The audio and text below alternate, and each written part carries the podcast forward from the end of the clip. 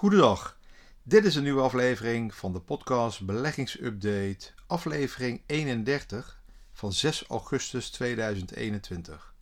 Mijn naam is Joost Bors. Elke week een nieuwe aflevering over al het relevante beleggingsnieuws van de week. Met vaak ook een praktijkcasus speciaal voor de particuliere belegger die weinig tijd heeft om het nieuws te volgen. Nou, deze week begon goed met direct een nieuw record voor de AEX. Maandag gingen we al meteen door de 760 punten. Daarna, daarna steeg die, eh, de index steeds verder door naar de 770. Vooral onder leiding van de technologie sector. Nou, er komt echt geen einde aan. De campinghoos in volle vaart. Geen last van de zwarte zaterdagfiles. Records niet alleen in Nederland, ook in andere landen lopen de beurzen verder op. Alleen Azië, China, ja, die blijven wel achter. Na maandagochtend zagen we in Azië bijvoorbeeld de hogere aandelenkoersen. De Japanse Nikkei-index is uh, ongeveer 2% hoger gesloten, terwijl de Hang Seng-index in Hongkong 0,8% hoger uh, staat. De beurs van Shanghai won ook zo'n 2%. Maar ja, de rest van de week kwakkelen dus toch wel een beetje verder. Chinese beleggers hopen dat het met de Chinese maatregelen tegen grote beursgenoteerde bedrijven wel mee zal vallen.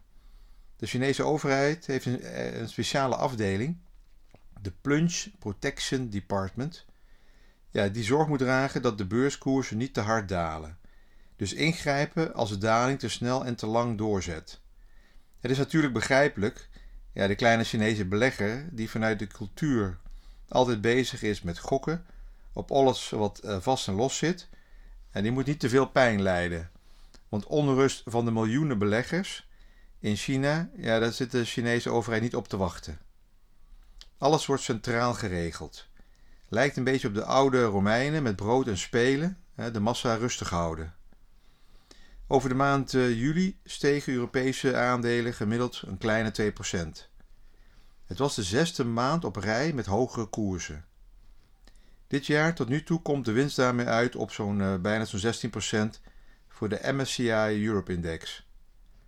Toch lijkt de vaart er wel even wat uit te zitten, uh, uit te zijn. Sinds medio juni is er per saldo maar heel weinig bijgekomen.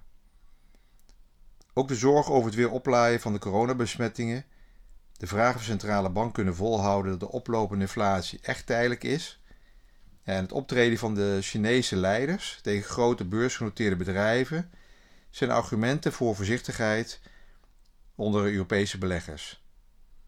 De goede kwartaalresultaten en de voorlopige steun van de centrale banken houden de Europese aandelenmarkten ja, min of meer in balans en zorgen voor uh, eigenlijk die stijging. Ja, een andere uh, categorie, uh, beleggingscategorie, die obligaties. Een hele grote markt is dat. Die hebben toch wel moeite om kleur te bekennen. De rente op de staatslening daalt verder. In februari stond de Amerikaanse 10 lening nog bijna met een rendement van 2%. En nu gaat het weer richting de 1. Nou, dalende rente betekent wel hogere koersen voor obligatieleningen. Dus daar kan je winst op maken. Kijk maar naar die uh, Rabo-lening. Die staat bijna 143% Ja, dit betekent ook uh, dat beleggers een uh, toekomstige lage economische groei voorzien. Nou, even terug naar die aandelenmarkten. die zitten nog steeds in die opgaande fase. En er tegen ingaan is lastig want je vecht tegen een berg geld en de centrale bank. In Amerika hebben ze daar een uh, tweetal mooie termen voor. Don't fight the tape en don't fight the Fed. Dus vecht niet tegen de trend en zeker niet tegen de centrale bank. Don't fight the tape. De tape is een oude beursgezegde. vroeger had je een tickertape, een soort uh, telexmachine. koers kwamen uit een soort uh, tikmachine op een papieren lint. Dat noemen ze dan de tape. Een stijgende of dalende beurs die in een trend zit, uh, ja, die is erg sterk. En om dan contrair te handelen is lastig. Wanneer de trend omkeert, is altijd lastig te bepalen. Vaak kijkt men naar technische indicatoren, onder andere volume, uh, voortschrijdend gemiddelde en momentumcijfers. Ja, voorlopig zou ik gewoon de opwaartse trend maar uh, vasthouden En je kan altijd nog ingrijpen als het een beetje begint te kraken. Ja, belangrijk is, de hoeveelheid geld wat steeds weer naar die beurs vloeit. De, de, de volume. En er zijn weinig uh, alternatieven, zeker nu de obligatierendementen weer richting nul tenderen. Cijfers van, van Nederlandse uh, online platformen laten zien dat er steeds nieuwe toetreders zijn.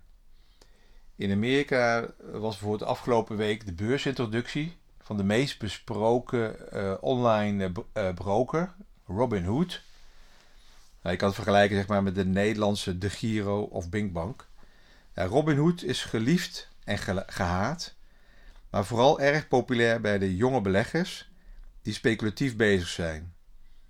Men zegt wel eens: Robinhood heeft het beste platform en lijkt meer op een gezellige social media app zoals Instagram en Facebook. Ik heb uh, Robinhood uh, drie maanden geleden ook al besproken. Zij gebruiken de psychologische trucjes die afkomstig zijn uit de casino-wereld om beleggers te blijven lokken en uit de dagen te handelen. Nou, de, de beursintroductie uh, die was verleden week. Ja, die was minder succesvol. De, de, koers daalde de eerste twee dagen met zo'n 8%. Maar deze week steeg die koers bijna 100%. Katie Wood van ARK Investment, ARK Investment, die heb ik ook een keer besproken. De succesvolle en ook een hele bijzonder aparte fondsmanager. Ja, die kocht aandelen uh, na die beursintroductie. En de markt zag dit als een uh, teken, als een bewijs dat het een goede belegging is. Maar ik zou zeggen, doe eerst je huiswerk voordat je iemand volgt. Maar dat doet deze groep jonge beleggers niet bij Robinhood. Hun motto is uh, constant: wat omhoog gaat is goed en gaat vanzelf verder omhoog. Stocks only goes up.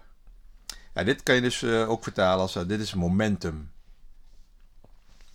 Nou, hoe zit het? Er zitten toch wel heel wat mensen die soms contrair willen handelen of het, tegendraads handelen. Ja, bij contrair of tegendraads handelen ja, zetten beleggers zich bewust tegen de stroom van de massa af. Want dat de massa zich gedraagt als een kudde schapen. Daarop kan men zich volgens de grote Amerikaanse econoom William Seidman ten alle tijden verlaten. Je weet nooit wat de massa zal doen, maar we weten wel dat ze het allemaal tegelijk doen. Dus als ze uh, allemaal willen verkopen, dan willen ze ook massaal door één deur. En dat is altijd wel uh, lastig. Het streven is daarom om anticyclisch te beleggen en trends te herkennen voordat de massa ze als zodanig waarneemt. Een anticyclische belegger koopt dus als iedereen verkoopt en verkoopt wanneer iedereen koopt. Deze vorm van speculeren, uh, want ik kan het zelf ook geen beleggen noemen, is natuurlijk niet zonder risico. De winstkansen zijn wel enorm als je het goed hebt. ten eerste kan je eh, een behoorlijke stijging mislopen. Dus als je eh, vorig jaar al eh, uit de markt bent gestapt en nog steeds zit te wachten op een daling, nou, dan ben je al zo'n in de AX al zo'n 200 punten kwijt aan gemiste koerswinst. dus je, je, je vermogensopbouw ga je dan missen. En ten tweede, indien je daadwerkelijk gespeculeerd hebt tegen de markt in, kan je ook nog een behoorlijk verlies hebben geleden. Hè, verleden week had ik het nog over het durven verlies nemen en de moeilijkheid hiervan. Nou, bij de lange termijn beleggers, zoals pensioenfondsen en uh, vermogensbeheerders bij banken, zal je waarschijnlijk nooit of zelden tegenkomen dat ze het aandelenbelang in een beheerportefeuille geheel liquide maken en naar cash toe brengen. Het risico voor een gemiste stijging weegt zwaarder dan het wachten op een daling. Een van de redenen van de sterke trend van de wereldbeurzen is natuurlijk de winstgroei bij de bedrijven. Vorige week was een, een zeer drukke week met kwartaalwinstberichten en analisten verwachten een aanhoudende sterke winstgroei. En dit kan een verdere stijging voor aandelen in de tweede helft van 2021 ondersteunen. Nou ja, de tweede helft is nog maar een maand oud, maar het bedrijfsleven in Amerika heeft zeker tot nu toe een record aan inkomsten opgeleverd. Met uh, ongeveer uh, de helft van de SP 500 index uh, bedrijven die tot nu toe hebben gerapporteerd, hè, is een soort winstgroei op jaarbasis met een stijging van zeker zo'n 80%. De groeiende winsten vanaf het depressieve kwartaal van een jaar geleden, terwijl een groot deel van de economie was stilgelegd, zijn op zichzelf niet erg indrukwekkend. Maar het wegblazen van de schattingen van analisten, nadat ze zich afgelopen herfst consequent zijn verhoogd, is wel indrukwekkend. Je ziet ook nou bijvoorbeeld de, winst van uh, vandaag van ING. Nou, die is uh, uh, 500 keer of 5 keer meer dan vorig jaar. Maar dat is precies wat het in Amerika is. Die winststijgingen zijn enorm. Maar je kan ze beter vergelijken met 2019 dan met 2020. Want toen zaten we natuurlijk volop in die uh, coronacrisis. Het sterke momentum lijkt niet snel voorbij te zijn. het momentum dat die aandelenmarkt ondersteunen. Uh, die schattingen van, zijn gestegen naarmate bedrijven hun visie hebben gedeeld. dus analisten die verhogen dan weer hun winstschatting voor de komende 12 maanden ja, die, die, die ramingen na het, het rapportageseizoen, dat, dat geeft dus uh, nog meer steun aan die aandelenmarkten. Nou, dan gaan we even wat, wat ander nieuws, speciaal voor de bierdrinkers onder ons. Ja, Heineken wil de bierprijzen verhogen. Vanwege de coronacrisis zijn de kosten voor ingrediënten en verpakkingsmateriaal zo hard gestegen dat uh, volgens de topman van Heineken een ingreep onvermijdelijk is. De, bouwer, de brouwer wil daarbij de, de zwaar getroffen horeca ontzien. Dus de flesjes bier in de supermarkten zullen wel in prijs omhoog gaan. Nou, dit is een voorbeeld. Hè. Heineken heeft het deze week uh, verteld. Maar een voorbeeld van bedrijven die, uh, dat ga je steeds meer horen, steeds vaker zeggen van ja, gestegen grondstofprijzen, of verpakkingsmateriaal. Dus ik moet wel mijn prijzen gaan verhogen. Bedrijven willen het eigenlijk zo lang mogelijk uitstellen, maar op een gegeven moment willen ze hun winstmarge behouden. En dan betekent het toch dat de consument wat meer gaat betalen voor een product. Nou, wat je ook wel eens ziet, is dat ze dan een product in een kleinere ver verpakking tegen dezelfde prijs. Hè, dus vroeger kon je voor 150 gram in de verpakking tegen een bepaalde prijs kopen. En nu voor 120 gram in diezelfde verpakking. Dus dat is eigenlijk uh, tegen diezelfde prijs. Maar impliciet betaal je toch gewoon dan uh, toch een, 10, eh, 20% meer. Ja, dat soort dingen gaan we dus meer zien. En ja, waarschijnlijk betekent dat toch een hogere inflatie. En eigenlijk is het inflatie en het opletten wanneer gaat die centrale bank ingrijpen dat zou dus het hele verhaal wat ik hiervoor vertelde over momentum en die sterke aandelenmarkt. Dat zou een, een teken kunnen zijn dat de aandelenmarkt een beetje het hoogtepunt bereikt heeft. Maar ja, dat moeten we nog even afwachten. In ieder geval dank voor het luisteren. En speciaal diegenen die ook op vakantie zijn en toch een uh, kwartiertje de podcast aanzetten. Dit kan natuurlijk ook in de autorit naar de zon toe.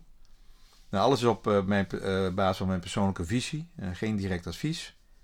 En je kan me ook via Instagram uh, volgen. Regelmatig plaats ik daar uh, wat uh, actuele berichtjes. Oké, tot de volgende week.